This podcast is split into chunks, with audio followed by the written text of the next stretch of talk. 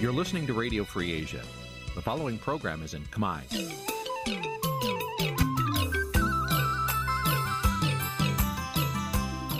Nǐ chi càm bi tiệp xáy vệt chiu a zì sê ray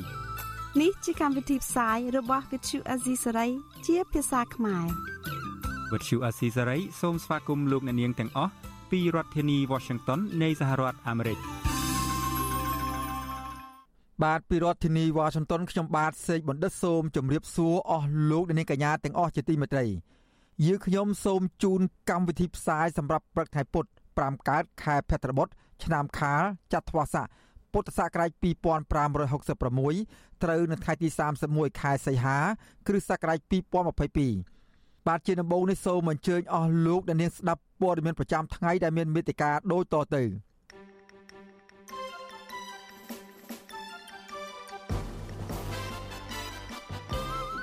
លោកខំវាសនានៅតែបន្តអំពាវនាវឲ្យអ្នកគាំទ្របន្តធ្វើតាមខ្លួនដោយកុំខ្លាចអាជ្ញាធររដ្ឋពលរដ្ឋនៅក្រៅប្រទេសធ្វើយុទ្ធនាការទាមទារឲ្យដោះលែងកញ្ញាសេងធារី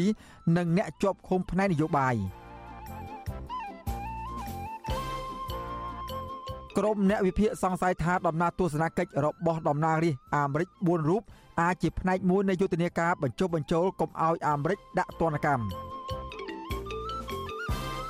ពលរដ្ឋនិងមន្ត្រីបកប្រឆាំងរិះគន់រដ្ឋាភិបាលអំពីការផ្ដាល់បានស្នាក់នៅអចិន្ត្រៃយ៍ដល់ជនអន្តោប្រវេសន៍រួមនឹងព័ត៌មានផ្សេងផ្សេងមួយចំនួនទៀតជាបន្តទៅទៀតនេះខ្ញុំបាទសេកបណ្ឌិតសូមជូនព័ត៌មានពិស្ដាបាទលោកអ្នកនាងកញ្ញាជាទីមេត្រី ពលរដ្ឋនិងក្រុមអ្នកនយោបាយបកប្រឆាំងនៅក្រៅប្រទេសចាប់ផ្ដើមធ្វើយុទ្ធនាការទៀមទីឲ្យអាជ្ញាធររដ្ឋាភិបាលលហ៊ុនសែនដោះលែងកញ្ញាសេងធីរីនិងអ្នកជាប់ឃុំផ្នែកនយោបាយអនុប្រធានគណៈបកសង្គ្រោះជាតិអ្នកស្រីមូសុខហួរប្រាប់បទសុអសីស្រីកាលពីយប់ថ្ងៃទី30ខែសីហាម្សិលមិញថាយុទ្ធនាការនេះមានការចូលរួមពីប្រជាពលរដ្ឋខ្មែររស់នៅក្រៅប្រទេសទូទាំងពិភពលោកអ្នកស្រីបន្តថាយុទ្ធនាការនេះរួមមានការអប់រំ ដោយការចែករំលែកវីដេអូអប់រំរយៈពេល7នាទី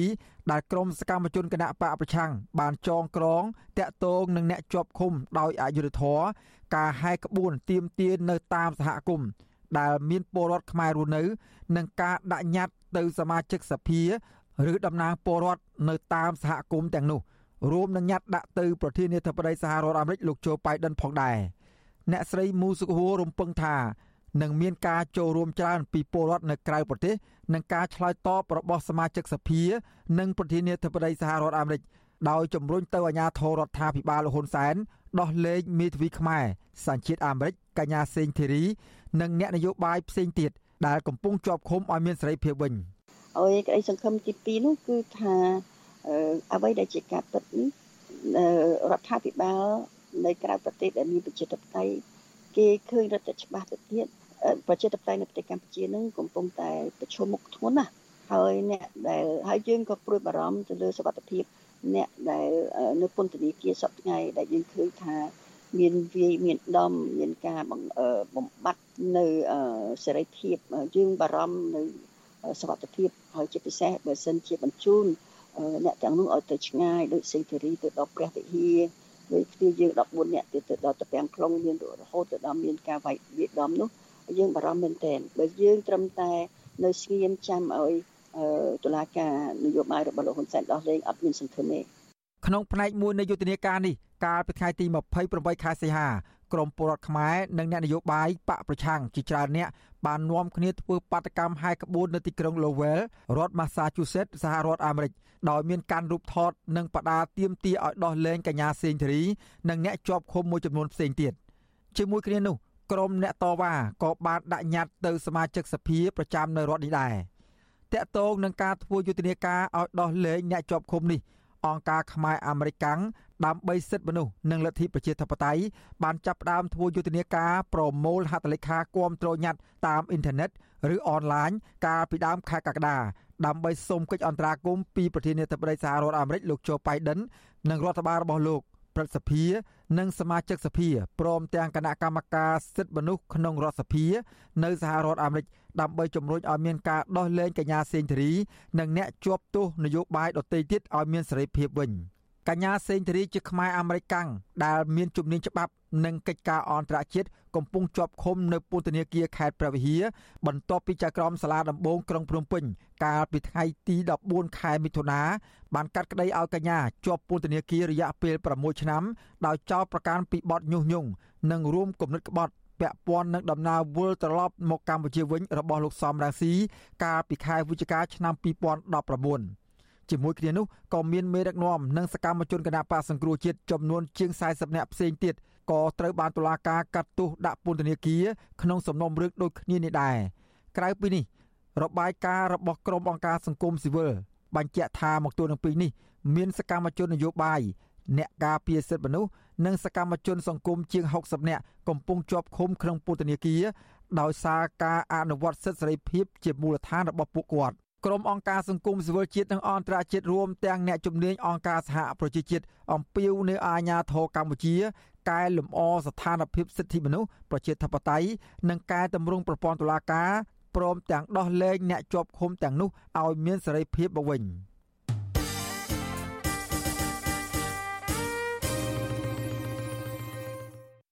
បាទលោកនាងកញ្ញាជាទីមេត្រី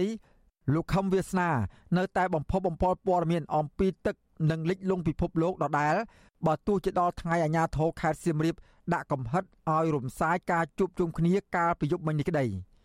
អ្នកវិភាគថាប្រសិនបើអាញាធរមិនរំសាយការជួបជុំនេះបានទេនឹងធ្វើឲ្យសង្គមចលាចលនិងប៉ះពាល់ដល់សន្តិសុខសង្គមបាទពីរដ្ឋធានី Washington លោកទីនសាការីយ៉ារាយការណ៍ជុំវិញព័ត៌មាននេះ លោកខំវិស្នាប្រធានគណៈបកសម្ព័ន្ធដើម្បីលទ្ធិប្រជាធិបតេយ្យបានឡាយវីដេអូតាមបណ្ដាញសង្គម Facebook របស់លោកដោយអំពាវនាវឲ្យអ្នកគ្រប់គ្រងកុំខ្លាចអាជ្ញាធររដ្ឋរួមទាំងលោកនាយករដ្ឋមន្ត្រីហ៊ុនសែនផងការប្រកាសរបស់លោកខំវាសនានេះចំពេលដែលលោកបានសន្យាជាមួយអាជ្ញាធរខេត្តសៀមរាបថានឹងរំសាយការជួបជុំគ្នានៅលើដីចំការរបស់លោកនៅក្បែរជើងភ្នំកូលែនត្រឹមថ្ងៃទី30សីហាម្សិលមិញប៉ុន្តែមកដល់ថ្ងៃកំណត់ លោកខំវាសនាមិនទាន់ប្រកាសរំសាយការជួបជុំនេះនៅឡើយទេលោកនៅតែសរសេរនិងនិយាយឡាយតាមវីដេអូថាពិភពលោកនឹងលិចលង់ដដែលទោះបីជាអាញាធរនិងសាធារណជនរិះគន់ថា ជាការបោកប្រាស់នឹងធ្វើឲ្យសង្គមចលាចលក្តីលោកខំវាសនាបាននិយាយនៅក្នុងវីដេអូ live កាលពីយប់មិញថាអាញាធរនិងលោកនាយរដ្ឋមន្ត្រីហ៊ុនសែនមិនអាចធ្វើអ្វីលោកបានទេលោកថែមនឹងចាត់ទុកខ្លួនថា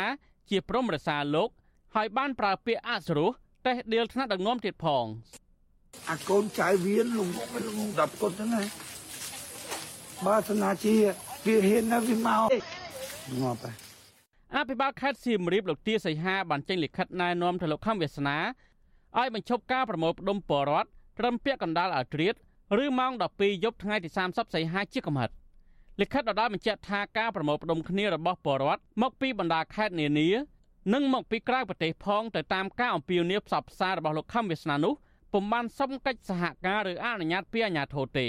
ហើយថែមទាំងបានធ្វើឲ្យប៉ះពាល់ដល់សន្តិសុខសម្រាប់ធ្នាប់សាធារណៈបរិស្ថានអនាម័យនិងការទប់ស្កាត់ការឆ្លងរាលដាលជំងឺ Covid-19 ទៀតផងរដ្ឋបាលខេត្តសៀមរាបកាលពីយប់ថ្ងៃទី29សីហាដដែលបានចេញលិខិតណែនាំដល់ពលរដ្ឋដែលកំពុងតែប្រមូលផ្ដុំគ្នារស់នៅលើដីចំការរបស់លោកខំវាសនាឲ្យបញ្ឈប់ការជួបជុំនោះ ត្រឹមថ្ងៃជូនដំណឹងនេះតទៅរដ្ឋបាលខេត្តលើកឡើងនៅហេតុផលចំនួន3បញ្យលទៅពលរដ្ឋរួមមានកុំឲ្យជឿការឃោសនាបែបប្រជាពិធរបស់លោកខំវាសនាព្រោះការប្រមូលផ្ដុំនេះធ្វើឲ្យពលរដ្ឋមួយចំនួនបាត់បង់ការងារមុខរបរក្មេងៗមិនបានទៅសាលារៀនគ្មានអនាម័យបរិស្ថាននិងបានធ្វើឲ្យប៉ះពាល់ដល់សន្តិសុខសង្គមសวัสดิភាពសាធារណៈសុខុមាលភាពខ្វះទឹកស្អាតព្រមទាំងប្រឈមនឹងការឆ្លងរាលដាលជំងឺ Covid-19 ជាដើម វិទ្យុអាស៊ីសេរីមិនអាចតតងអភិបាលខេត្តសៀមរាបលោកទាសីហាដើម្បីសំសួរអំពីបញ្ហានេះបានទេកាលពីយប់ថ្ងៃទី30សីហាប៉ុន្តែលោកទាសីហាបានប្រាប់សារព័ត៌មានស្និទ្ធនឹងលោកហ៊ុនសែនកាលពីយប់ម៉ោង12ថ្ងៃទី30សីហាថាអាជ្ញាធរខេត្តបានសម្រេចបិទទីតាំងជួបជុំរបស់លោកខឹមវាសនាចាប់ពីម៉ោង12ឈានចូលថ្ងៃទី31សីហាសារព័ត៌មានដដាលបន្ថែមថាអាជ្ញាធរខេត្តបានសម្រេចបិទទីតាំងនេះ ក្រោយពេលទទួលបានលិខិតរបស់គណៈបកសម្ព័ន្ធដើម្បីប្រជាធិបតេយ្យសូមពន្យាពេលការជួបជុំរហូតដល់ដាច់ខែកញ្ញាខាងមុខកាលពីយប់ថ្ងៃទី30សីហានេះលោកខំវាសនាបានសរសេរជាច្រើននៅលើបណ្ដាញ Facebook របស់លោកដោយអំពាវនាវកុំឲ្យកូនចៅលោកខ្លាចអាជ្ញាធរលោកខឹមវាសនាថែមទាំងបានសរសេរព្រមានអាញាធរវិញថាកុំថាឡាយប៉ះពាល់ដល់លោកសូម្បីតែកូនចៅរបស់លោកក៏មិនអាចធ្វើអ្វីបានដែរតើតើនឹងបញ្ហានេះ និវិភាននយោបាយលោកកឹមសុខមានប្រសាសន៍ថាលោកខំវាសនាហ៊ានប្រកាសមិនខ្លាចរអាអាញាធររួមទាំងលោកហ៊ុនសែនផងនោះទំនងជាលោកអាងលើកម្លាំងស្មោះត្រង់របស់លោកដែលមានចំនួនច្រើនហើយប្រសិនបើអាញាធរចាប់ខ្លួននឹងអាចមានកម្លាំងងើបតតាំងទំនងជាលោកខំវាសនាស្ទង់ដឹងថាអ្នកគ្រប់គ្រងរបស់គាត់ច្រើនដល់ពាន់នាក់នៅតែបដូរផ្ដាច់ជាមួយគាត់ដូច្នេះហើយទំនងជាគាត់មិនខ្លាចនឹងសាក់លបងជាមួយនឹងលោកហ៊ុនសែនទេហើយលោកហ៊ុនសែន ក៏ទំនងជាពិបាកនឹងចាត់ការលោកខឹមវាសនាដែរពីព្រោះការចាប់លោកខឹមវាសនាមិនពិបាកទេ សម្រាប់កម្លាំងសមត្ថកិច្ចរបស់លោកហ៊ុនសែនក៏ប៉ុន្តែពិបាកនៅត្រង់ថាចាប់លោកខឹមវាសនាឧទាហរណ៍ថាដាក់គុកហើយតើសកម្មជននិងសមាជិករបស់លោកខឹមវាសនានៅស្ងៀមដែរឬទេហើយបច្ចុប្បន្ន លោកហ៊ុនសែនត្រូវស្ទង់មើលហើយថាតើកម្លាំងរបស់លោកខឹមវាសនានោះពិតជានៅបដូរផ្ដាច់ជាមួយលោកខឹមវាសនាកម្រិតណាប្រសិនបើកម្លាំងនោះនៅខ្លាំងរឹងមាំជាមួយលោកខំវិស្នាលោកហ៊ុនសែនក៏ទំនងជាត្រូវពិចារណាច្រើនដែរពីព្រោះក្នុងស្ថានភាពបច្ចុប្បន្នលោកហ៊ុនសែនបារម្ភណាស់បារម្ភអំពីការផ្ទុះចេញការតវ៉ាក្នុងកម្រិតណាមួយបើទោះបីជាពីក្រុមណាក៏ដោយទោះបីជាយ៉ាងនេះក្តីលោកកឹមសុខបញ្ជាក់ថាប្រសិនបើអាជ្ញាធរខេត្ត មិនចាត់ការលោកខំវាសនាតាមផ្លូវច្បាប់ណាមួយទៅនោះនឹងធ្វើឲ្យសង្គមចលាចលដោយសារតែការបំផុសបំផុលគ្មានការពិតរបស់លោកខំវាសនាលោកកឹមសុខបន្ថែមថាកន្លងមក សកម្មជនបរិស្ថានសកម្មជននយោបាយមិនបានធ្វើអ្វីប៉ះពាល់ដល់សង្គមនោះទេ តែបែរជាអាញាធរចោទប្រកាន់ពីបទញុះញង់ធ្វើឲ្យវឹកវរដល់សន្តិសុខសង្គមហើយចាប់ពួកគេដាក់ពន្ធនាគារជាបន្តបន្ទាប់ខ្ញុំទីនសាការីយ៉ាស៊ីសេរីប្រធានីវ៉ាស៊ីនតោន បាទលោកអ្នកនាងកញ្ញាជាទីមេត្រីពាក់ព័ន្ធនឹងការបោះឆ្នោតនាពេលខាងមុខនេះវិញគណៈកម្មាធិការជ្រៀបចំការបោះឆ្នោតហៅកាត់ថាកោចបបានប្រកាសអនុញ្ញាតឲ្យគណៈបកនយោបាយចំនួន4ជួបជជែកពិភាក្សាអំពីការស្នើសុំកែលម្អប្រព័ន្ធបោះឆ្នោតនៅកម្ពុជា នៅថ្ងៃទី31ខែសីហានេះសេចក្តីជូនដំណឹងរបស់កោចបនៅថ្ងៃទី30ខែសីហាម្សិលមិញឲ្យដឹងថាអ្នកនាំពាក្យកោចបលោកហងពុធា និងអគ្គលេខាធិការលោកទីមនិថារួមទាំងមន្ត្រីគោចបមួយចំនួនទៀតនឹងជួបតំណាងគណៈបកឆន្ទៈខ្មែរគណៈបកប្រជាធិបតេយ្យមូលដ្ឋានគណៈបកភ្លើងទៀននិងគណៈបកកែតម្រង់កម្ពុជា តាមសំណើរបស់គណៈបកទាំង4កន្លងមកកាលពីថ្ងៃទី26ខែសីហាឆ្នាំ2022ថ្នាក់ដឹកនាំគណៈបកប្រជាធិបតេយ្យមូលដ្ឋាន គណៈបកឆន្ទៈខ្មែរគណៈបកកែតម្រង់កម្ពុជា និងគណៈបកភ្លើងទៀនបានជួបពិភាក្សាគ្នាអំពីរបៀបវិរៈត្រៀមជួបគណៈកម្មាធិការជ្រៀបចំការបោះឆ្នោតគណៈបកទាំង4នៅតែចាត់ទុកការកែតម្រង់កិច្ចការបោះឆ្នោតនិងច្បាប់តាក់ទងនឹងការបោះឆ្នោតគឺជារឿងអតិភិបដើម្បីឲ្យការបោះឆ្នោតឆ្នាំ2023ខាងមុខមានការប្រកួតប្រជែងមួយដែលស្មើភាពគ្នាតម្លាភាពនិងយុត្តិធម៌ ក្រោយការបោះឆ្នោតជ្រើសរើសក្រុមប្រឹក្សាឃុំសង្កាត់អាណត្តិទី5នេះគណៈបកនយោបាយនិងអង្គការសង្គមស៊ីវិលរកឃើញពីភាពមិនប្រក្រតីមួយចំនួនដូចជាការអនុវត្តការងាររបស់មន្ត្រីគោចបមិនត្រឹមត្រូវដោយបិទទ្វារបន្ទប់រាប់សិលឹកឆ្នោត និងបិទការិយាល័យមុនដំណើរការរាប់សិលឹកឆ្នោតជាដើមក្រៅពីនេះក៏មានអាជ្ញាធរនៅក្នុងបរិវេណនិងការិយាល័យបោះឆ្នោតមេភូមិឬមេឃុំអង្គុយចាំកត់ឈ្មោះអ្នកមកបោះឆ្នោតជាដើម។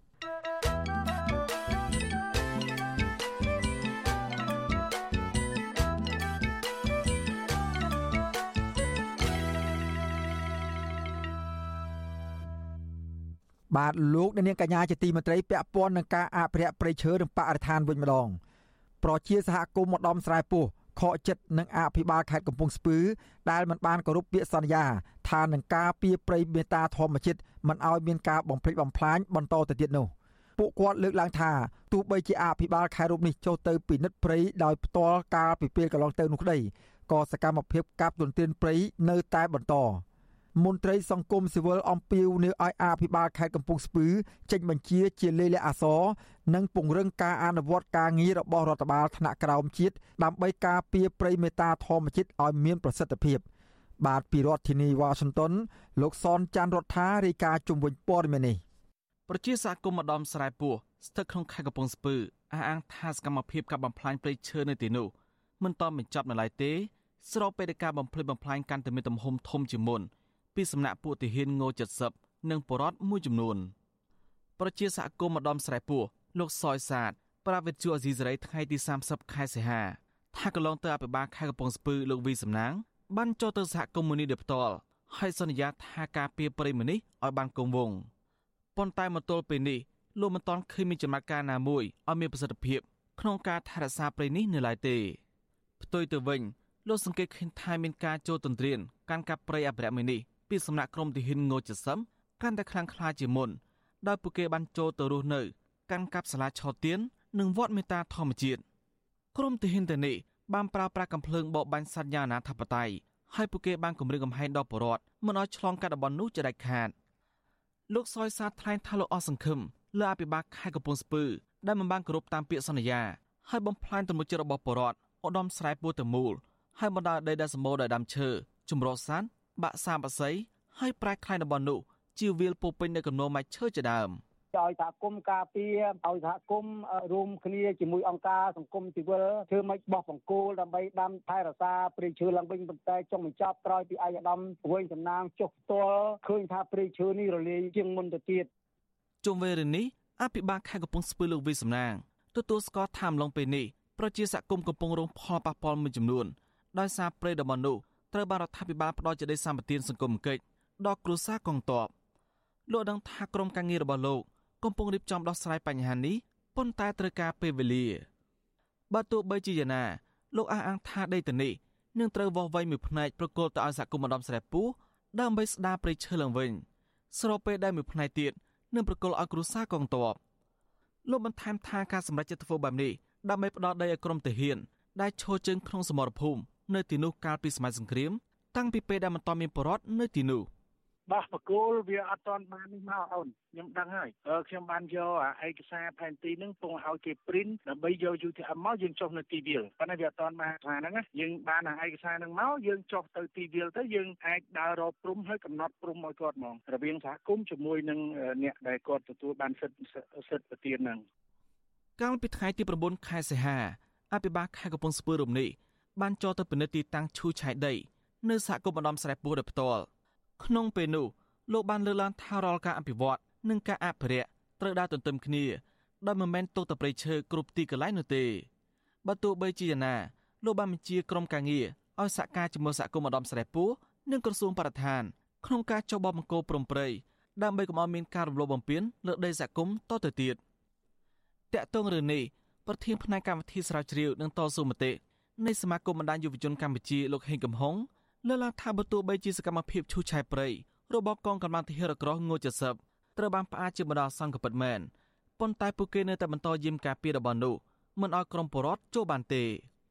លោកថាក្រមប្រជាសហគមន៍ម្ដំស្រែពោះមើលឃើញថាមានជនល្មើសមួយចំនួន បន្តកាប់ដាំឈើធំធំ និងឈើប៉និតដែលបង្កការព្រួយបារម្ភជាថ្មីម្ដងទៀតលោកបន្តថាក្នុងនាមជាអភិបាលខេត្ត លោកវីសំណាងគួរតែចេញបទបញ្ជាជាលិលាអសរមិនមែនគ្រាន់តែជាការបញ្ជាផ្ទាល់មាត់នោះទេ ជាងនេះទៅទៀតលោកថាពិបាកខេត្តរំនេះត្រូវពង្រឹងការងារនិងការអនុវត្តច្បាប់របស់រដ្ឋបាលថ្នាក់ក្រោមឲ្យបានតឹងរឹងដើម្បីដោះស្រាយបញ្ហារបស់ប្រជាពលរដ្ឋដែលរងអំពើអយុត្តិធម៌ឬការគំរាមកំហែង។ ខ្ញុំស្នើសុំដែរកុំឲ្យមានករណីបែបនេះតទៅទៀតជុំវិញតំបន់ការពារធនធានធម្មជាតិឬតំបន់ព្រៃឈើផ្សេងនៅក្នុងប្រទេសកម្ពុជាពីព្រោះឲ្យករណីសិក្សាពីភ្នំតាម៉ៅនិងនឹងព្រៃមេតាធម្មជាតិនេះគឺធ្វើឲ្យយើងខាតពេលវេលាច្រើនណាស់បាទក្នុងការទៅស្ដារដើមឈើឡើងវិញហើយវាបានឆ្លុះបញ្ចាំងអំពីការធ្វើអន្តរាគមន៍យឺតយ៉ាវរបស់អាជ្ញាធរផងដែរបាទព្រៃមេតាធម្មជាតិមានផ្ទៃដីទំហំជាង20000ហិកតាដែលមានទីតាំងស្ថិតនៅតំបន់ចម្រុះសាព្រៃភ្នំរ៉ាល់នៅភូមិពោមាស ឃុំតាពាំងជោស្រុកអរ៉ាល់ខេត្តកំពង់ស្ពឺប៉ុន្តែកាលពីពេលកន្លងទៅមានក្រុមហ៊ុនឯកជនមួយបានរំលោភយកអស់ច្រែតាដោយវិជាសហគមន៍អះអាងថាបច្ចុប្បន្នព្រៃនេះនៅសល់ទំហំប្រហែល800ហិកតាតែប៉ុណ្ណោះក្រោយមកថ្ងៃទី20ខែសីហាឆ្នាំ2021រដ្ឋាភិបាលបានចេញអនុក្រឹត្យកាត់ព្រៃនេះទំហំ260ហិកតាបែងចែកឲ្យក្រុមគ្រួសារកងទ័ពនៃបញ្ជាការដ្ឋានរក្រោះនៃកងទ័ពជង្គង់និងពលរដ្ឋចំនួន41គ្រួសារ សម្រាប់ធ្វើលំនៅឋាននៅបង្កបង្កើនផលក្នុងរយៈពេល1ឆ្នាំចុងក្រោយនេះមានបលល្មើសច្រើនករណីនៅព្រៃមេតាធម្មជាតិឬព្រៃឧត្តមស្រែពោះរួមមានការកាប់បំផ្លាញព្រៃឈើការទន្ទ្រានដីសហគមន៍និងការលួចដុតបំផ្លាញកន្លែងស្នាក់នៅរបស់ព្រះសង្ឃដែលគង់ចាំការពារព្រៃនេះដោយសហគមន៍អាងថាជាស្នាដៃរបស់ក្រុមទាហានរក្រោះងូចសឹមអ្នកមានលុយមានអំណាចដែលបានខុបខិតគ្នាក្រុមសកម្មជនបរិស្ថាន និងប្រជាសហគមន៍អារម្មណ៍ថាប្រេនេះអាចនឹងហិនហោររយៈពេលដ៏ខ្លីខាងមុខនេះប្រសិនបើស្ថាប័នពាក់ព័ន្ធនៅតែមិនអើពើទប់ស្កាត់ខ្ញុំសនចាររថាវិទ្យុអេស៊ីសរ៉ៃរាយការណ៍ពីរដ្ឋធានីវ៉ាស៊ីនតោន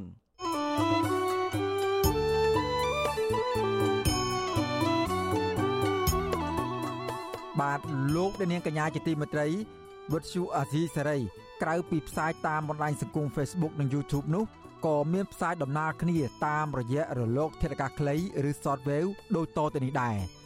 នៅពេលព្រឹកចាប់ពីម៉ោង5កន្លះដល់ម៉ោង6កន្លះតាមរយៈរលក ធាតុអាកាសខ្លី12140 kHz ស្មើនឹងកម្ពស់ 25m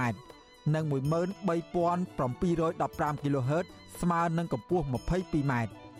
ពេលយប់ចាប់ពីម៉ោង7កន្លះដល់ម៉ោង8កន្លះ តាមរយៈរលកធាតុអាកាសខ្លី9960 kHz ស្មើនឹងកម្ពស់ 30m 12140 kHz ស្មើនឹងកម្ពស់ 25m និង11885 kHz ស្មើនឹងកម្ពស់ 25m បាទសូមអរគុណ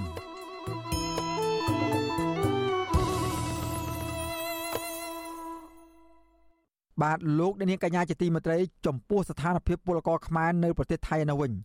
ពលករខ្មែរដែលកំពុងធ្វើការងារនៅក្នុងប្រទេសថៃក្នុងក្រុងបាងកកអះអាងថាថៅកែរបស់ពួកគាត់បានបង្ខំឲ្យធ្វើឯកសារការងារជាច្រើនសន្តានទើបថៅកែអនុញ្ញាតឲ្យធ្វើការងារព្រោះក្រសួងការងារថៃតម្រូវឲ្យថៅកែធ្វើយ៉ាងដូច្នោះពួកគាត់ត្អូញត្អែថាត្រូវធ្វើបានការងារពី3ទៅ4ដំណាក់កាលដោយត្រូវចំណាយប្រាក់ច្រើនដើម្បីទទួលបានការងារធ្វើស្របច្បាប់នៅក្នុងប្រទេសថៃ បាទពីរដ្ឋធានី Washington លោកយ៉ងច័ន្ទរារាយការណ៍ជុំវិញព័ត៌មាននេះពលករពលករនីខ្មែរដែលកំពុងធ្វើការងារនៅប្រទេសថៃកំពុងជួបការលំបាកនៅក្នុងការទទួលបានការងារធ្វើប្រសិនបើពួកគាត់មិនព្រមធ្វើឯកសារតាមការតម្រូវរបស់ថៅកែថៃទេនោះពួកគាត់លើកឡើងថាកាលពីមុនពលករកាន់ត្រឹមតែបាត់ស៊ីចម្ពូដែលចេញដោយក្រសួងការងារថៃគឺអាចធ្វើការងារបានដោយមិនមានបញ្ហាអ្វីឡើយក៏ប៉ុន្តែបច្ចុប្បន្ននេះ ថៅកែបានបង្ខំឲ្យពលករខ្មែរទៅធ្វើសៀវភៅអនុញ្ញាតធ្វើការងារឬហៅថា work permit បន្ថែមទៀតទើបអាចធ្វើការងារបានដូចពីមុន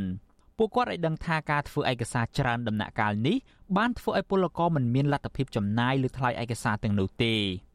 ពលករនីធ្វើការផ្នែកអនាម័យតាមផ្ទះនៅក្នុងទីក្រុងបាងកកដែលមានស្រុកកំណើតនៅខេត្តបាត់ដំបងលោកស្រីសាទសឿបអាយុ37ឆ្នាំប្រាប់វិទ្យុអាស៊ីសេរីនៅថ្ងៃទី30ខែសីហាថា លោកស្រីបានចំណាយប្រាក់ថ្លៃធ្វើទិដ្ឋាការការងារបានធ្វើការងារនិងសៀវភៅអនុញ្ញាតការងារដោយឯកសារនីមួយៗត្រូវបង់ថវិកាពី8000ទៅ9000បាតឬជាង200ដុល្លារលោកស្រីបន្តថាបើគ្មានឯកសារទាំងនេះទេថៅកែមិនព្រមទទួលឲ្យចូលធ្វើការនិងរស់នៅក្នុងប្រទេសថៃដោយខុសច្បាប់លោកស្រីឲ្យដឹងទៀតថាពលករក្នុងតំបន់ដែលលោកស្រីស្នាក់នៅថៅកែថៃបានបង្ខំឲ្យធ្វើបានការងារច្រើនប្រភេទដូចដូចគ្នា ដោយពលករខ្លះត្រូវចំណាយប្រាក់ពី15000ទៅដល់16000បាតឬជាង400ដុល្លារឬអាចចំណាយច្រើនជាងនេះផងក៏មានលោកស្រីស្នើដល់ក្រសួងការងារកម្ពុជា ជួយអន្តរាគមន៍រឿងនេះពីព្រោះពលករខ្មែរកំពុងជួបការលំបាកខ្លាំងលើការបង់ថ្លៃសេវាឯកសារជាច្រើន។ បើសិនជាក្រសួងអត់យកចិត្តទុកដាក់ត្រង់ចំណុចនេះទេគឺពលករយើងដែលរស់នៅប្រទេសថៃនេះគឺគាត់អត់ទទួលបានអត្ថប្រយោជន៍ច្រើនទេគាត់ធ្វើការឲ្យតែលុយគឺហៅថាធ្វើការឲ្យតែគេប៉ុន្តែអាចំណាយទៅលើរឿងបាត់រឿងប៉ាសពតហ្នឹងក៏ច្រើនហើយដល់ពេលគាត់ទទួលបានថវិកាមកវិញពេលដែលគាត់ឈឺពេលដែលគាត់អីហ្នឹងគឺគាត់ចំណាយលុយដោយខ្លួនឯងអញ្ចឹងតើគាត់មានលុយឯណាពេលដែលគាត់ត្រឡប់ទៅប្រទេសវិញ វិទ្យុអាស៊ីសេរីមិនអាចតាក់ទងសុំការអធិប្បាយជុំវិញបញ្ហានេះពីអ្នកនាំពាក្យក្រសួងការងារលោកហេងសួរនិងស្ថានទូតកម្ពុជាប្រចាំប្រទេសថៃបានទេ នៅថ្ងៃទី30ខែសីហាដោយទូរស័ព្ទចូលជាច្រើនដង តែពុំមានអ្នកទទួលពាក់ព័ន្ធរឿងនេះដែរមន្ត្រីគម្រោងនៃមជ្ឈមណ្ឌលសម្ព័ន្ធភាពការងារនិងសិទ្ធិមនុស្សហៅកាត់ថាអង្គការសង្ត្រាល់គឺលោកលឹងសុផុនលើកឡើងថាច្បាប់ការងារបច្ចុប្បន្ននៅប្រទេសថៃតម្រូវឲ្យពលករធ្វើឯកសារជាច្រើនដំណាក់កាល ពីព្រោះប្រព័ន្ធលក្ខខណ្ឌការងារត្រូវបានផ្លាស់ប្ដូរលោកបន្តថាកន្លងមកពលករខ្មែរអាចធ្វើបានការងារម្ដងប្រើបាន2ឆ្នាំក៏ប៉ុន្តែបច្ចុប្បន្នបាននេះមានសុពលភាពតែមួយឆ្នាំទេ ដែលធ្វើឲ្យកម្មករត្រូវចំណាយប្រាក់ច្រើនជាងមុនលោកយល់ថាបញ្ហានេះពួកគាត់នឹងប៉ះពាល់ដល់ជីវភាពប្រចាំថ្ងៃនឹងធ្វើឲ្យពលករកាន់តែលំបាកលើសដើមពីព្រោះការងាររបស់ពួកគាត់មិនសូវសម្បូរនោះទេនាពេលបច្ចុប្បន្ននេះ ខណៈតម្លៃពលកម្មទទួលបានប្រាក់ចំណូលតិចតួចដែលធ្វើឲ្យពួកគាត់ចំណាយដោយត្បិតត្បៀតនិងគ្មានប្រាក់សម្រាប់ផ្ញើទៅស្រុកចិញ្ចឹមកូននៅស្រុកកំណើតទេលោកស្នើដល់ក្រសួងការងារកម្ពុជាជួយអន្តរាគមន៍ទៅក្រសួងការងារថៃឲ្យជួយសម្រួលថ្លៃធ្វើឯកសារនៅក្នុងតម្លៃសមរម្យដល់ពលករខ្មែរដើម្បីឲ្យពួកគាត់មានសេដ្ឋកិច្ចគ្រាន់បើជាងសប្តាហ៍នេះ។ កន្លងមកឃើញថាដំណាក់កាលឲ្យតក៏វាឆាប់ផុតកំណត់ពេកទៅចុងកាលនេះគាត់ចំណាយលុយបងឲ្យគេមិនទាន់អស់ផងដល់ដំណាក់កាលត្រូវតទៀតចឹងមួយឆ្នាំម្ដងអញ្ចឹងទៅហើយបងប្អូនពលករខ្លះគាត់លក្ខណៈធ្វើការមិនពេញម៉ោងអញ្ចឹងនៅខ្លះទេធ្វើការលក្ខណៈនៅថៃគេហៅរាប់ជាប់ការងារបន្តអាសន្នទៅនៅពេលដែលធ្វើបានធ្វើអីធ្វើឯកសារដើម្បីរស់នៅស្របច្បាប់របាយការណ៍របស់ក្រសួងការងារកម្ពុជាឲ្យដឹងថា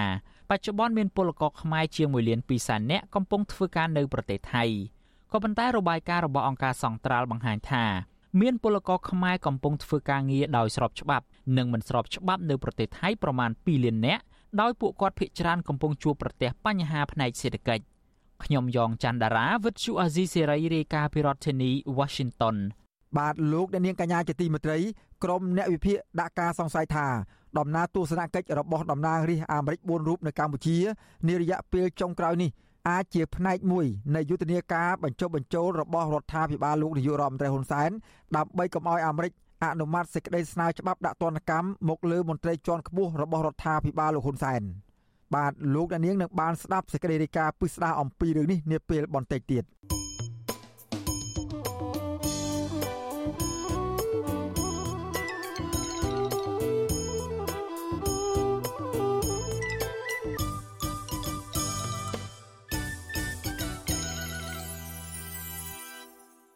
បាទលោកអ្នកនាងកញ្ញាជាទីមេត្រីចំណែកនៅឯខេត្តកោះកុងឯនោះវិញសមត្ថកិច្ចខេត្តកោះកុងអះអាងថាជនជាតិហ្វីលីពីនចំនួន4នាក់បានចាក់ចេញពីកន្លែងបង្ខាំងក្នុងអាគារបលបែងមួយស្ថិតនៅទីតាំងក្រុមហ៊ុនចិន New Yen Development Group ឬហៅថា UDG ក្រោយអាជ្ញាធរបានចុះត្រួតពិនិត្យស្រាវជ្រាវ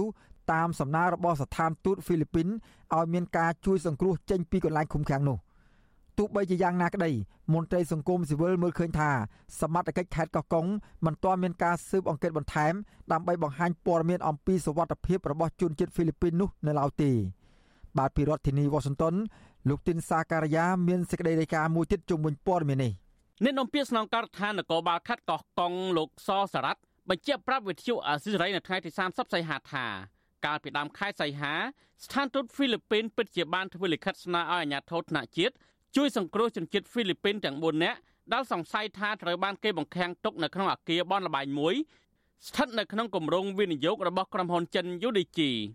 លោកបញ្ជាក់ថាលិខិតស្ថានទូតហ្វីលីពីនផ្ញើជូនអាជ្ញាធរកម្ពុជាកាលពីថ្ងៃទី8សីហានោះបានបង្ហាញថា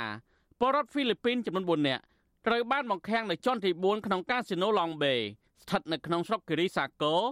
ហើយគេតម្រូវឲ្យបង់ប្រាក់មួយចំនួនដល់ក្រុមហ៊ុន ដើម្បីជាថ្នូវនឹងការដោះលែងចេញពីកន្លែងឃុំឃាំងទោះជាយ៉ាងណាលោកអះអាងថារហូតដល់ថ្ងៃទី21សីហានៅពេលក្រុមសមត្ថកិច្ចចុះស្រាវជ្រាវនៅតំបន់ក្រុមហ៊ុនចិន UDG និងអគារបនលបែងកាស៊ីណូឡងបេនោះ ពុំឃើញជនរងគ្រោះណាម្នាក់ឡើយក្រោយពេលដែលយើងចុះទៅគឺគាត់បានវិលត្រឡប់ទៅវិញមុនពេលដែលក្រុមការងារយើងចុះទៅដល់ខ្ញុំជំរាបលោកថាខ្ញុំដឹងត្រឹមប៉ុណ្ណឹងព្រោះអីគាត់វិលត្រឡប់ទៅវិញហើយគេទូខ្ញុំថាគេបង្ខាំងគាត់ឬមួយក៏គេបំពល់ព័ត៌មានអីអានេះខ្ញុំឆ្លើយមិនបានដោយសារអីក្រុមការងារដែលចុះទៅគាត់រាយការណ៍ខ្ញុំបានត្រឹមប៉ុណ្ណឹងថាយើងក្រុមការងារយើងចុះទៅហ្នឹងគឺមិនមានពួកគាត់នៅក្នុងនោះទេគឺគាត់បានវិលត្រឡប់ទៅវិញរួចហើយហើយមានការអំណះអំណាងពីក្រុមហ៊ុនអីច្បាស់លាស់ ទោះជាយ៉ាងណាលោកសောចរ័តអះអាងទៀតថាសមត្ថកិច្ចមិនមានការស្រាវជ្រាវបន្តលើទីតាំងក្រុមហ៊ុនចិននិងជនជាតិហ្វីលីពីនទាំង4នាក់នេះទៀតទេប្រសិនបើគ្មានលិខិតបណ្ដឹងស្នើអន្តរាគមន៍ពីអាជ្ញាធរធនាជាតិនិងជនរងគ្រោះវិទ្យុអាស៊ីសេរីមិនអាចតតងអ្នកនាំពាក្យស្ថានទូតហ្វីលីពីនប្រចាំនៅកម្ពុជាដើម្បីស្នើសុំព័ត៌មានផ្ទៀងផ្ទាត់ជំវិញនឹងករណីនេះបានទេនៅថ្ងៃទី30សីហាតំបន់ទីក្រុងរណបឡុងបេគឺជាគម្រោងមួយដែលភ្នាក់ងារច្រើនសង់អគារបនលបែងកាស៊ីណូ នៅលើផ្ទៃដីទំហំជាង200ហិកតាគម្រោងក្រុមហ៊ុនចិននេះគឺស្ថិតនៅក្នុងតំបន់ដីជាង45000ហិកតាដែលរដ្ឋាភិបាលលហ៊ុនសែនកាលពីឆ្នាំ2008បានសម្បទានសេដ្ឋកិច្ចទៅឲ្យក្រុមហ៊ុនចិន Union Development Group ដើម្បីសាងសង់ទីក្រុងទេសចរសារព័ត៌មានធំធំរាយការណ៍ជាបន្តបន្ទាប់មកថាអ្នកវិនិយោគជាជនជាតិចិនដែលមកបោះទុនបង្កើតអគារបនលបែងលើគម្រោងឡុងបេនេះមួយចំនួនមានគេឈ្មោះអាស្រ័យជាអក្រិតជននៅប្រទេសចិន ពាក់ព័ន្ធនឹងការបើកបនលបែងឆោបោកជនជាតិចិនម្នាក់មានសញ្ជាតិខ្មែរគឺលោកស៊ីស៊ីជាងដែលត្រូវបានប៉ូលីសថៃចាប់ខ្លួនកាលពីពេលថ្មីថ្មីនេះតាមរយៈដីកាចាប់ខ្លួនរបស់ប៉ូលីសអន្តរជាតិអង់តេប៉ូលពាក់ព័ន្ធនឹងរឿងឆោបោកនិងអំពើពុករលួយជំវិញនឹងរឿងនេះមន្ត្រីសម្របសម្រួលសមាគមអាតហុកខេត្តកោះកុងលោកថងច័ន្ទតារាមានប្រសាសន៍ថាកន្លងទៅតេតងនឹងគម្រោងក្រុមហ៊ុនចិនធំធំនៅក្នុងខេត្តកោះកុងដែលកើតមានរឿងមិនប្រក្រតីតេតងនឹងអំពើជួញដូរមនុស្ស ឬបង្ខាំងមនុស្សនេះលោកកំរឃើញមានអាជ្ញាធរចុះត្រួតពិនិត្យដើម្បីទប់ស្កាត់អំពើជួញដូរមនុស្សនៅឡើយលោកយល់ថាការអនុវត្តទូនាទីរបស់សមាជិកដោយគ្មានការស៊ើបអង្កេតឲ្យដល់ឫសគល់ចំពោះករណីបង្ខាំងមនុស្សនេះដោយសារតែសមាជិកមិនមានអំណាចដល់ក្រុមហ៊ុនចិនទាំងនោះនឹងរងសម្ពាធពីអ្នកមានលុយមានអំណាចដែលឈរកាំងពីក្រោយ។ កញ្ញាដោយសារសមត្ថកិច្ចយើងគាត់ដូចថាមិនពង្រឹងលើការអនុវត្តច្បាប់អីទេបើពីច្រើនជំនះដែលមកបោះទុនរកស៊ីខុសច្បាប់អានេះតាក់ទងនឹងបញ្ហាជួញដូរទៅវាច្រើនគាត់ច្រើនមានខ្នងឯកដែលជាខាងកងទ័ពហ្នឹងទីដល់ចឹងការអនុវត្តគាត់មិនទៀនប៉ះទេកន្លែងដែលជាកាស៊ីណូដែលជាធំធំរបស់ចិនហ្នឹងគឺអត់មានសមត្ថកិច្ចណាបង្ក្បែរដើម្បីពុទ្ធនិតអីហ្នឹងទេបាទ ការចាប់ផ្ដើមបង្ក្រាបអំពើជួញដូរនិងឃុំឃាំងមនុស្សជាប់ជាប់គ្នាប្រមាណថ្ងៃមកនេះធ្វើឡើងក្រោយពីស្ថាប័នសារព័ត៌មានអន្តរជាតិបានរាយការណ៍យ៉ាងផុសផុលជាបន្តបន្ទាប់អំពីកំណើនអក្រិតកម្មចាប់បង្ខាំងជួញដូរមនុស្សនៅកម្ពុជាប្រទេសដែលមានប្រជាពលរដ្ឋជាជនរងគ្រោះនោះមានដូចជាថៃម៉ាឡេស៊ីឥណ្ឌូនេស៊ីចិនវៀតណាមនិងហ្វីលីពីនជាដើមដែលត្រូវបានជួលរំដោះចេញពីកន្លែងឃុំឃាំងនៅកម្ពុជាទោះជាយ៉ាងណាអាជ្ញាធរនៃប្រទេសទាំងនោះលើកឡើងថានៅមានបរិវត្តខ្លួនរាប់ពាន់នាក់ទៀត ដែលត្រូវបានគេឃុំឃាំងនៅកម្ពុជាលោកថងច័ន្ទតារាប្រួយបារម្ភថាបើអាញាធរគ្មានឆន្ទៈទប់ស្កាត់អំពើជួញដូរមនុស្សនេះទេនោះកម្ពុជានឹងក្លាយជាប្រទេសមួយដែលមានកេរ្តិ៍ឈ្មោះកាន់តែអាក្រក់នៅលើឆាកអន្តរជាតិព្រមទាំងធ្វើឲ្យប៉ះពាល់ដល់ការអភិវឌ្ឍប្រទេសជាតិនិងជាការគំរាមកំហែងដល់សន្តិសុខសវត្ថិភាពប្រជាពលរដ្ឋខ្មែរធ្ងន់ធ្ងរផងដែរខ្ញុំទីនសាការីយ៉ាស៊ីសេរីប្រធានីវ៉ាស៊ីនតោន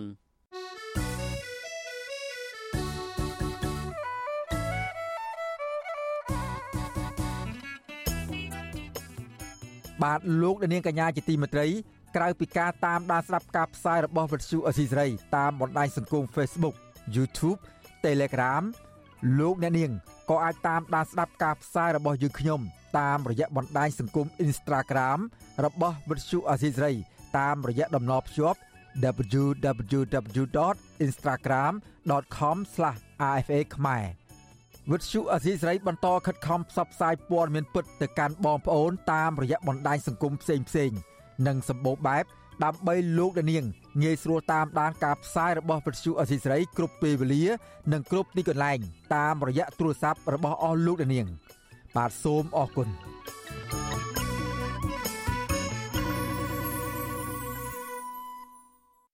បាទលោកនាងកញ្ញាជាទីមេត្រីតុលាការនៅទីក្រុងប៉ារីសប្រទេសបារាំង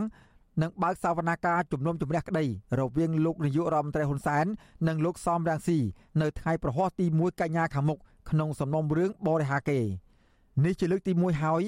ដែលតុលាការប្រទេសបារាំងលើកយកបណ្ដឹងរបស់លោកហ៊ុនសែនប្តឹងលោកសំរងស៊ីមកជំនុំជម្រះប៉ុន្តែដើមបណ្ដឹងលោកហ៊ុនសែនមិនបានទៅតទល់ក្តីនេះដោយផ្ទាល់នោះទេដោយលោកបញ្ជូនមេធាវីបារាំង4រូបជាតំណាងរីឯលោកសំរងស៊ីវិញប្រកាសថា លោកនឹងទៅចូលរួមសវនាការនេះរួមទាំងមេធាវីផង បាទលោកជុនច័ន្ទបុតនឹងរាយការណ៍អំពីដំណើរការក្តីនេះដោយផ្ទាល់ចេញពីតុលាការក្រុងប៉ារីសប្រទេសបារាំង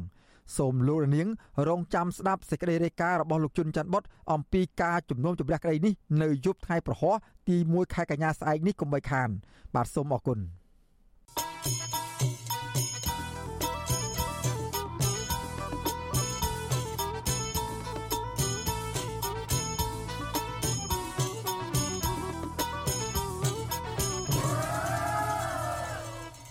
បាទលោកអ្នកនាងកញ្ញាជាទីមេត្រីពាក់ព័ន្ធនឹងស្ថានភាពសកម្មជនគណៈបកប្រឆាំងនៅឯក្នុងស្រុកឯនេះវិញ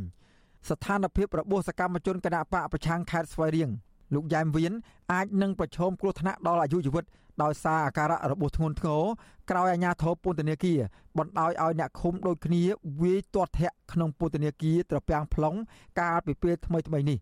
គ្រួសារនិងមេធាវីជនរងគ្រោះ រួមទាំងអង្គការសង្គមស៊ីវិលទាមទារអាជ្ញាធរពុទ្ធនាគារទទួលខុសត្រូវលើករណីហិង្សា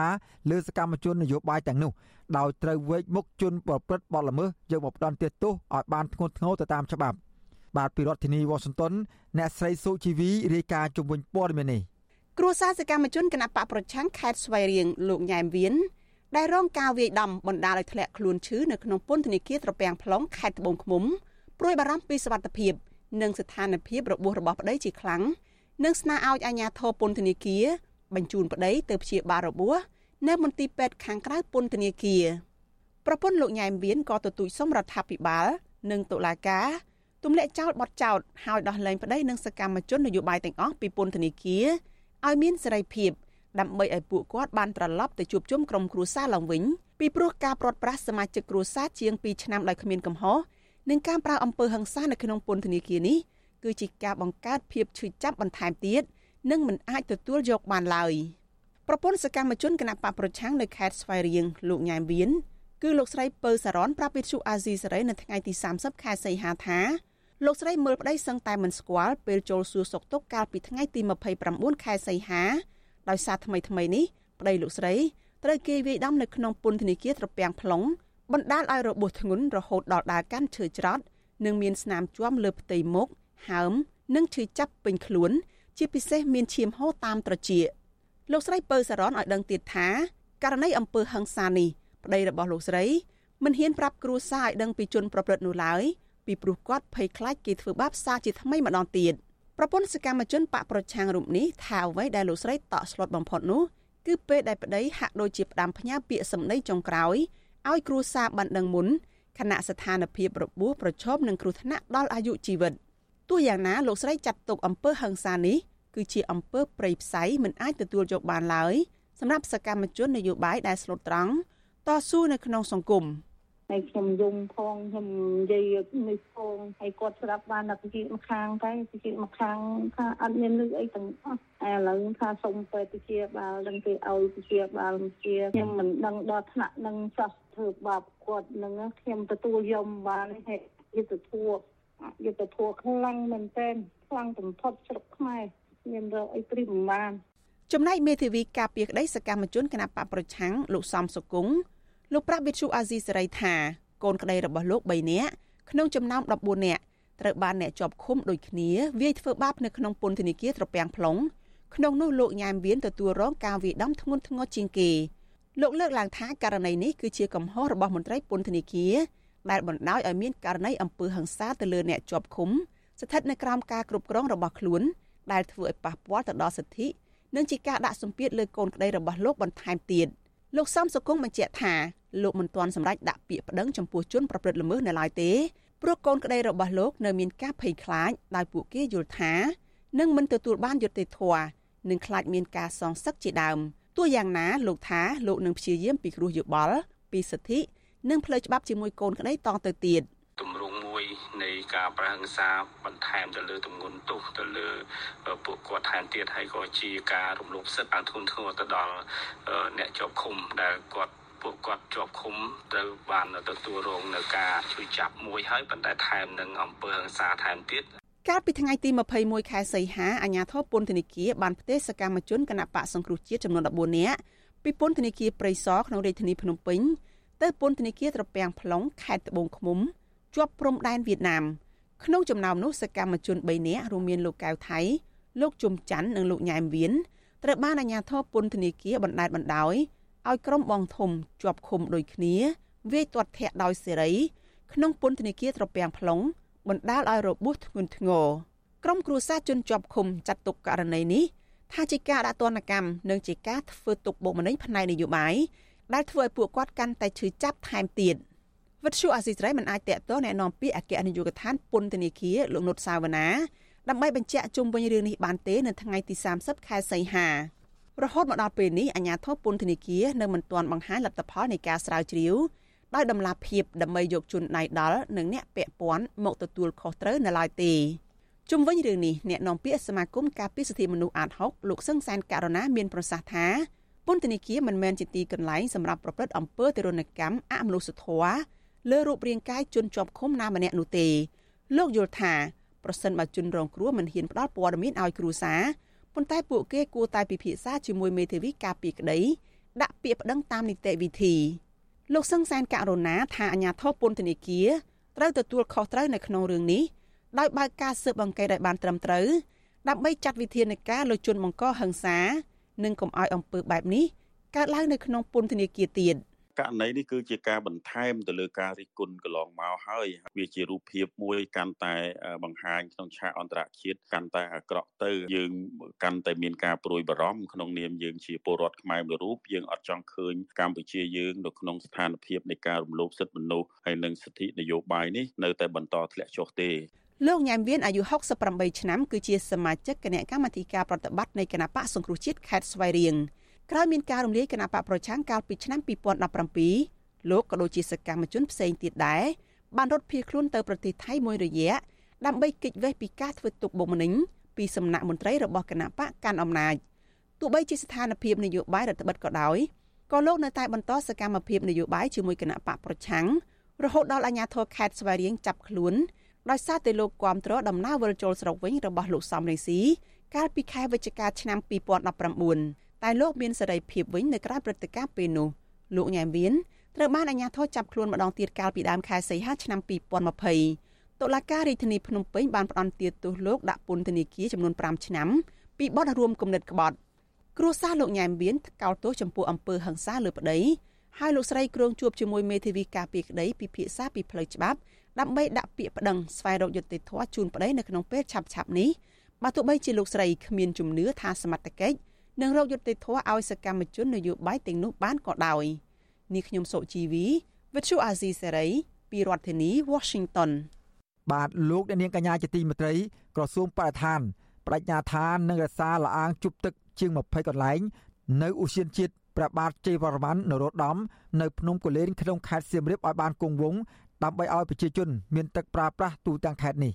ប៉ុន្តែពលរដ្ឋរស់នៅខេត្តសៀមរាបមើលឃើញថា លអាងជប់ទឹកមួយចំនួនកំពុងប្រឈមការគំរាមកំហែងដោយរូបភាពទន្ទ្រានដីធ្វើកសិកម្មនិងការកាប់ទន្ទ្រានព្រៃឈើធ្វើជាកម្មសិទ្ធិជាដើមរដ្ឋលេខាធិការនិងជាអ្នកនាំពាក្យក្រសួងបរិស្ថានលោកនិតភត្រាអះអាងថាលអាងជប់ទឹកជាង20កន្លែងក្នុងតំបន់ភ្នំគូលែនក្នុងខេត្តសៀមរាបមានសារៈសំខាន់ណាស់ក្នុងការផ្គត់ផ្គង់ទឹកជូនដល់ប្រជាពលរដ្ឋរស់នៅទូទាំងខេត្តនេះ។ លោកថ្លែងបែបនេះនៅក្នុងសន្និសីទសារព័ត៌មានស្ដីពីសមិទ្ធផលសម្រាប់បាន រយៈពេល5ឆ្នាំកន្លងមក របស់ក្រសួងបរិស្ថាន ដែលរៀបចំឡើងដោយអង្គភាពអ្នកណែនាំពីរដ្ឋាភិបាលធ្វើឡើងនៅរាជធានីភ្នំពេញនៅថ្ងៃទី30សីហាលោកនេតភត្រាបញ្ជាក់ថាក្រសួងបរិស្ថាននឹងការពារតំបន់នោះឲ្យគង់វង្សដោយថែទាំព្រៃឈើនិងដាំកូនឈើឡើងវិញ ដើម្បីការពារប្រភពទឹក ផ្ដល់ជូនពលរដ្ឋសម្រាប់ប្រើប្រាស់ លោកថានេះជាចំណុចមួយសំខាន់ដែលកម្ពុជា កំពុងឆ្ពោះទៅមុខក្នុងដំណើរអភិវឌ្ឍមានកំណើនប្រជាជន កំណើនសេដ្ឋកិច្ចចាំបាច់ត្រូវមានតម្រូវការទឹកជារឿងសំខាន់ដែលក្រសួងបរិស្ថាន បានគិតគូរពីប្រភពទឹកសម្រាប់ប្រើប្រាស់ផ្គត់ផ្គង់ប្រជាពលរដ្ឋទាំងមូលក្នុងខេត្តសៀមរាបជុំវិញនៅខេត្តសៀមរាបគឺប្រភពទឹកពីភ្នំកលែនអញ្ចឹងយើងត្រូវការពារតំបន់ទាំងអស់ហ្នឹងឲ្យបានគង់វង្សទាំងថែរក្សាឈើដាំឈើឡើងវិញការពារប្រភពទឹក ដើម្បីផ្ដល់នៅប្រភពទឹកពេញលេញហើយនេះគឺជាចំណុចមួយដែលសំខាន់ហើយកម្ពុជារបស់យើងកំពុងតែឆ្ពោះទៅមុខនៅក្នុងដំណើរអភិវឌ្ឍកំណើនប្រជាជនកំណើនសេដ្ឋកិច្ចតម្រូវការទឹកក៏ជាចំណុចមួយចាំបាច់ឆ្លើយតបនឹងរឿងនេះប្រជាពលរដ្ឋរស់នៅខេត្តសៀមរាបបារម្ភថាលអាងទឹកជប់មួយចំនួន នៅភ្នំគូលែនកំពុងប្រឈមនឹងការគំរាមកំហែងហើយអាចប្រឈមនឹងការបាត់បង់នៅថ្ងៃអនាគតខណៈដែលប្រជាពលរដ្ឋនិងអ្នកមានអំណាចខ្លះបានទន្ទ្រានដីព្រៃ ដើម្បីយកដីនោះធ្វើជាចំការដាំស្វាយចន្ទីអស់រាប់ពាន់ហិកតា ដោយមានតំបន់ទឹកជប់ខ្លះទៀតគ្រប់គ្រងដោយឯកជនពលរដ្ឋរស់នៅខេត្តសៀមរាបលោកនងធីរា សង្កេតឃើញថាលអាងទឹកជប់មួយចំនួន ដែលស្ថិតនៅក្នុងតំបន់អភិរក្សអូសៀនជាតិភ្នំគូលែនហុំព័ទ្ធដោយចំការស្វាយចន្ទីដែលគ្រប់គ្រងដោយឯកជន និងមានតំបន់ខ្លះទៀតមានការកាប់ទន្ទ្រានព្រៃយ៉ាងច្រើនសន្ធឹកសន្ធាប់ លោកបានចុះទៅដល់ទីតាំងជាក់ស្ដែង ប្រទះឃើញតំបន់ជប់ទឹកខ្លះមានទឹកហូរគ្រប់រដូវបែរជាមានចំការស្វាយចន្ទីរបស់ប្រជាពលរដ្ឋជាច្រើនគ្រួសារអមសងខាងទឹកតែងតែហូរខូបប្រាំងខូបភាសាហ្នឹងគឺគឺមានស្វ័យចន្ទីប្រជាពលរដ្ឋដាំស្វ័យចន្ទីតំបន់ជុំវិញហ្នឹងគឺវាវាកំពុងតែរងនឹងភាពប៉ះពាល់ប៉ះពាល់បាទ ហ្នឹងពីមុនគេហៅថាទឹកទឹកកលែនទឹកដែលនេះស្អីគេថាជាទឹកល្អអត់ខ្ចោះទឹកបណ្ណិតចេញពីថ្មអីប៉ុន្តែឥឡូវភាគច្រើនវាអាចចេញវាវាចេញអាពីអាការដាំជួរកស៊ូជួរចន្ទីជួរអីលអាងទឹកជប់ភ្នំគូលែនរួមមានជប់ទឹកស្រះដំរីជប់ទឹកអន្លង់ខៀវតំបន់ជប់ទឹកវាលស្រែនិងលអាងជប់ទឹកអន្លង់មាសជាដើម ដែលមានទឹកផុសចេញពីក្រោមដីគ្រប់រដូវកាលហូរឆ្ពោះទៅតាមស្ទឹងសៀមរាបបឹង និងអូរជាច្រើនកន្លែង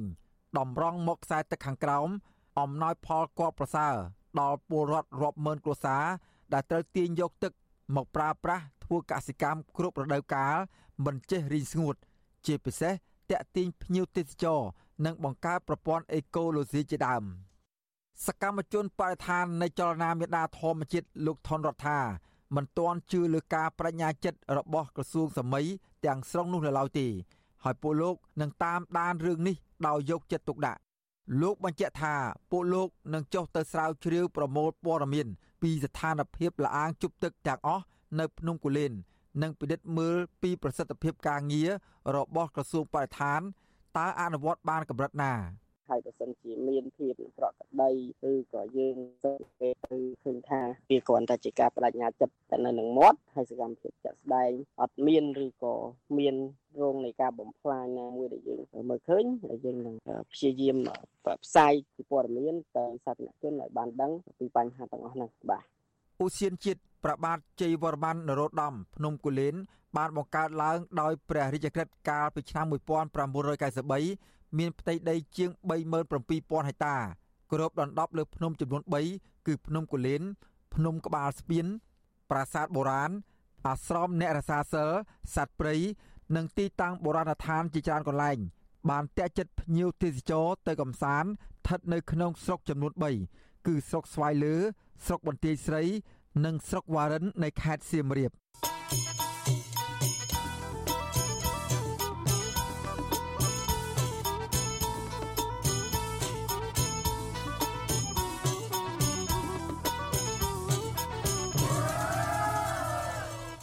បាទលោកអ្នកនាងកំពុងតាមដានស្រាប់ការផ្សាយរបស់វិទ្យុអសីសេរីពីរដ្ឋធានីវ៉ាស៊ីនតោនសហរដ្ឋអាមេរិកក្រុមអ្នកវិភាគដាក់ការសង្ស័យថាដំណើរទស្សនកិច្ចរបស់តំណាងរាជអាមេរិក4រូបនៅកម្ពុជានារយៈពេលចុងក្រោយនេះ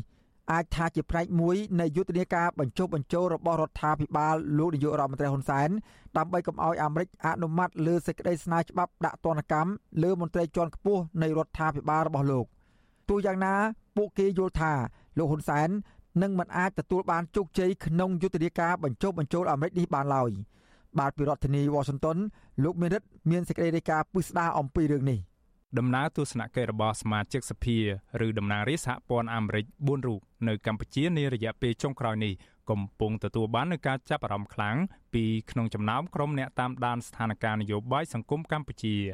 តំណាងរាស្ត្រទាំង4រូបនោះរួមមានមួយរូបមកពីគណៈបកកណ្ដាលអំណាចគឺគណៈបកប្រជាធិបតេយ្យប្រចាំរដ្ឋ Tennessee គឺលោក Steve Cohen និង3រូបទៀតមកពីគណៈបកប្រឆាំងគឺគណៈបកសាធារណរដ្ឋប្រចាំរដ្ឋ Texas គឺអ្នកស្រី Elizabeth Warren លោក Ron Estee តំណាងរាស្ត្រប្រចាំរដ្ឋ Kansas និងអ្នកស្រី Carol Miller តំណាងរាស្ត្រប្រចាំរដ្ឋ West Virginia ចាប់អារម្មណ៍គឺនៅត្រង់ថាដំណើរទស្សនកិច្ចនេះធ្វើឡើងនៅរយៈពេលមិនដល់2សប្តាហ៍ផងក្រោយដំណើរទស្សនកិច្ចរបស់គណៈប្រតិភូព្រឹទ្ធសភា និងរដ្ឋសភាអាមេរិកដឹកនាំដោយសមាជិកព្រឹទ្ធសភាអាមេរិកដ៏មានឥទ្ធិពលគឺលោក Edward Markey ដែលជាប្រធានអនុគណៈកម្មាធិការកិច្ចការទំនាក់ទំនងបរទេសប្រចាំតំបន់អាស៊ីបូព៌ាប៉ាស៊ីហ្វិកនិងសន្តិសុខអ៊ីនធឺណិតអន្តរជាតិ នៃព្រឹទ្ធសភាអាមេរិកនិងជាអ្នកប្រួយផ្ដាំធ្វើសេចក្តីស្នើច្បាប់ដាក់ទណ្ឌកម្មជាក់លាក់មកលើមន្ត្រីជាន់ខ្ពស់កម្ពុជាឬ S3052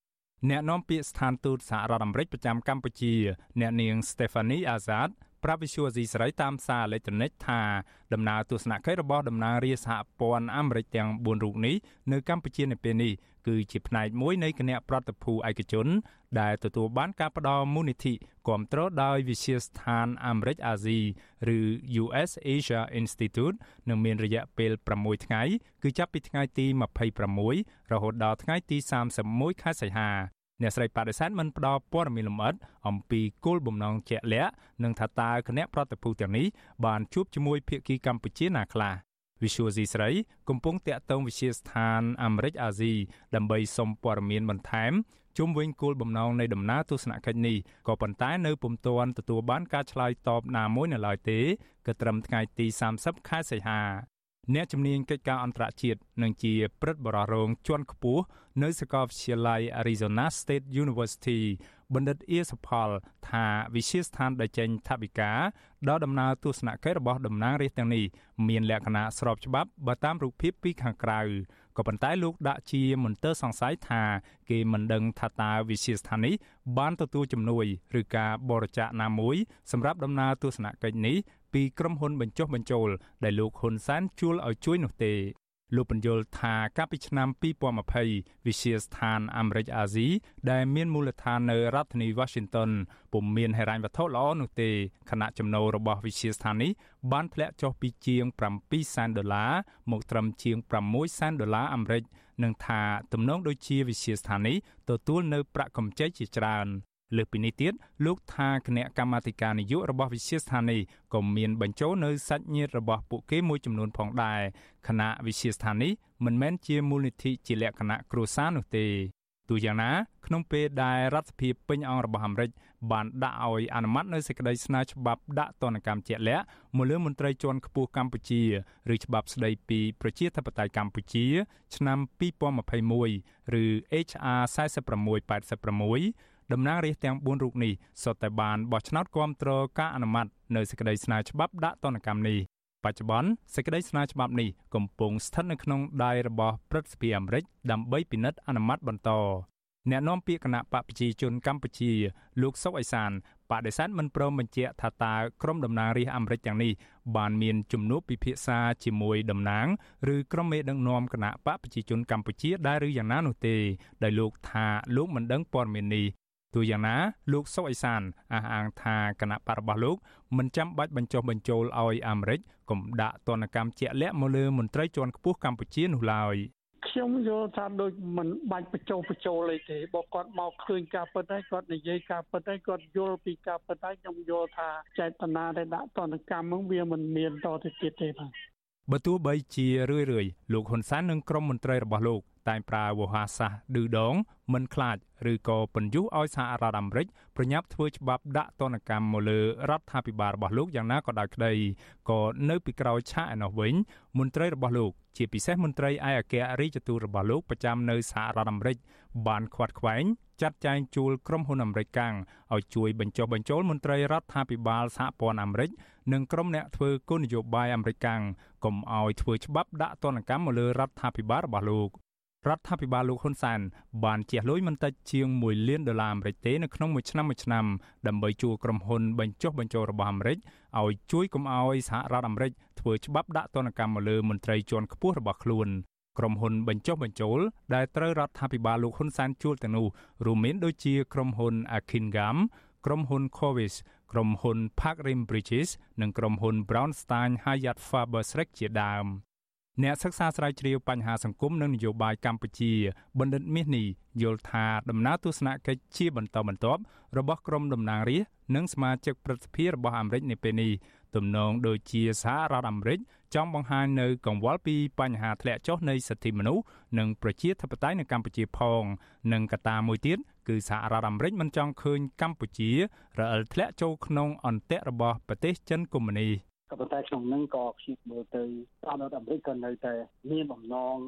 មិនចង់ឲ្យកម្ពុជានឹងលបូតទៅក្នុងដៃរបស់ចិនទាំងស្រុងផងដែរព្រោះយើងដឹងថានៅក្នុងតំបន់ Indo-Pacific កម្ពុជាក៏ជាផ្នែកមួយនៃ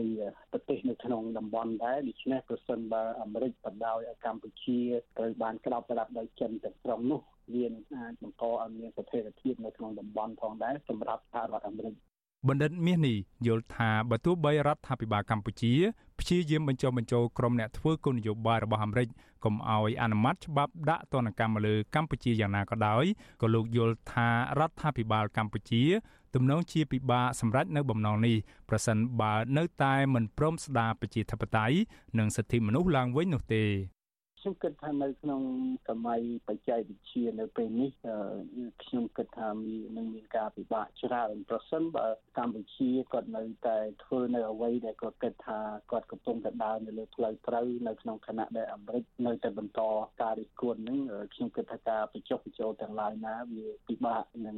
បានទទួលជោគជ័យណាស់ លុះត្រាតែកម្ពុជានឹងត្រូវតែពិនិត្យមើលទៅលើការតំណែងទម្រង់ណាមួយដែលអាចធ្វើឲ្យមានភាពទុកចិត្តគ្នាឡើងវិញរវាងកម្ពុជានិងអាមេរិកបាទ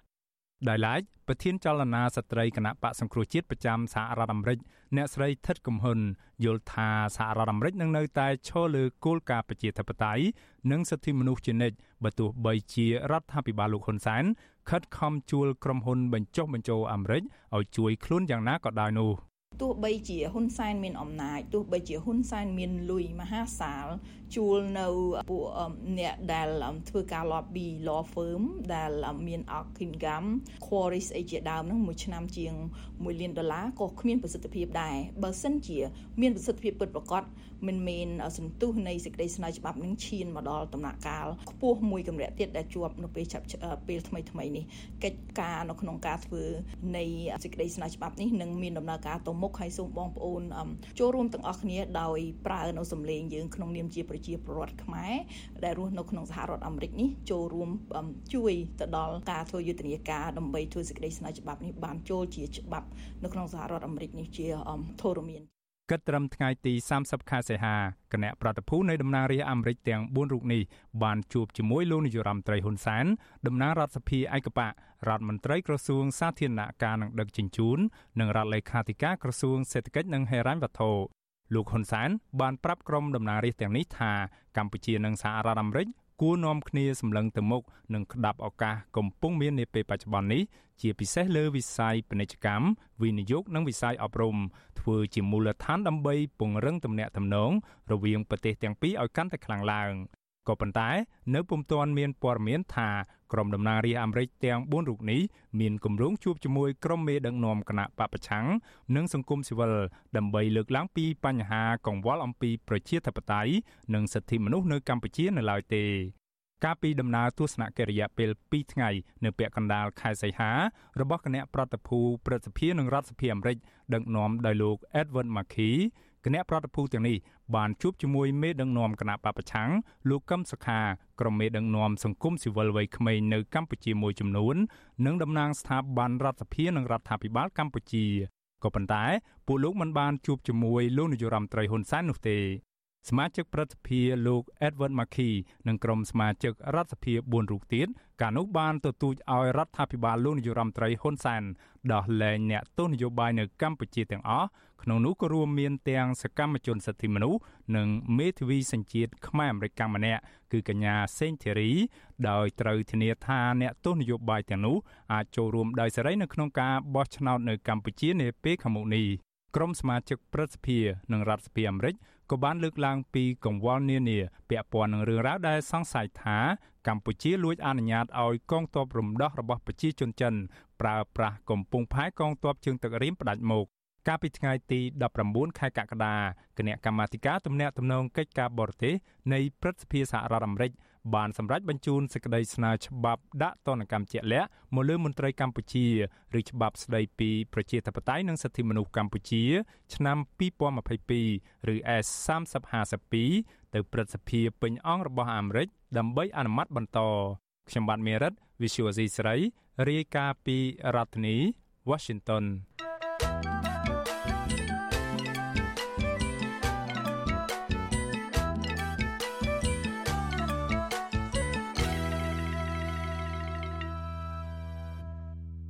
បាទលោកអ្នកនាងកញ្ញាជាទីមេត្រីការផ្សាយរយៈពេល1ម៉ោងរបស់វិទ្យុអសីសេរីសម្រាប់ព្រឹកនេះចប់តែប៉ុណ្ណេះយើងខ្ញុំសូមជូនពរដល់អស់លោកអ្នកនាងឲ្យជួបប្រកបតែនឹងសេចក្តីសុខចម្រើនរុងរឿងកំបីគ្លៀងគ្លេឡើយខ្ញុំបាទសេកបណ្ឌិតព្រមទាំងក្រុមការងារទាំងអស់នៃវិទ្យុអាស៊ីសេរីសូមអរគុណនិងសូមជម្រាបលា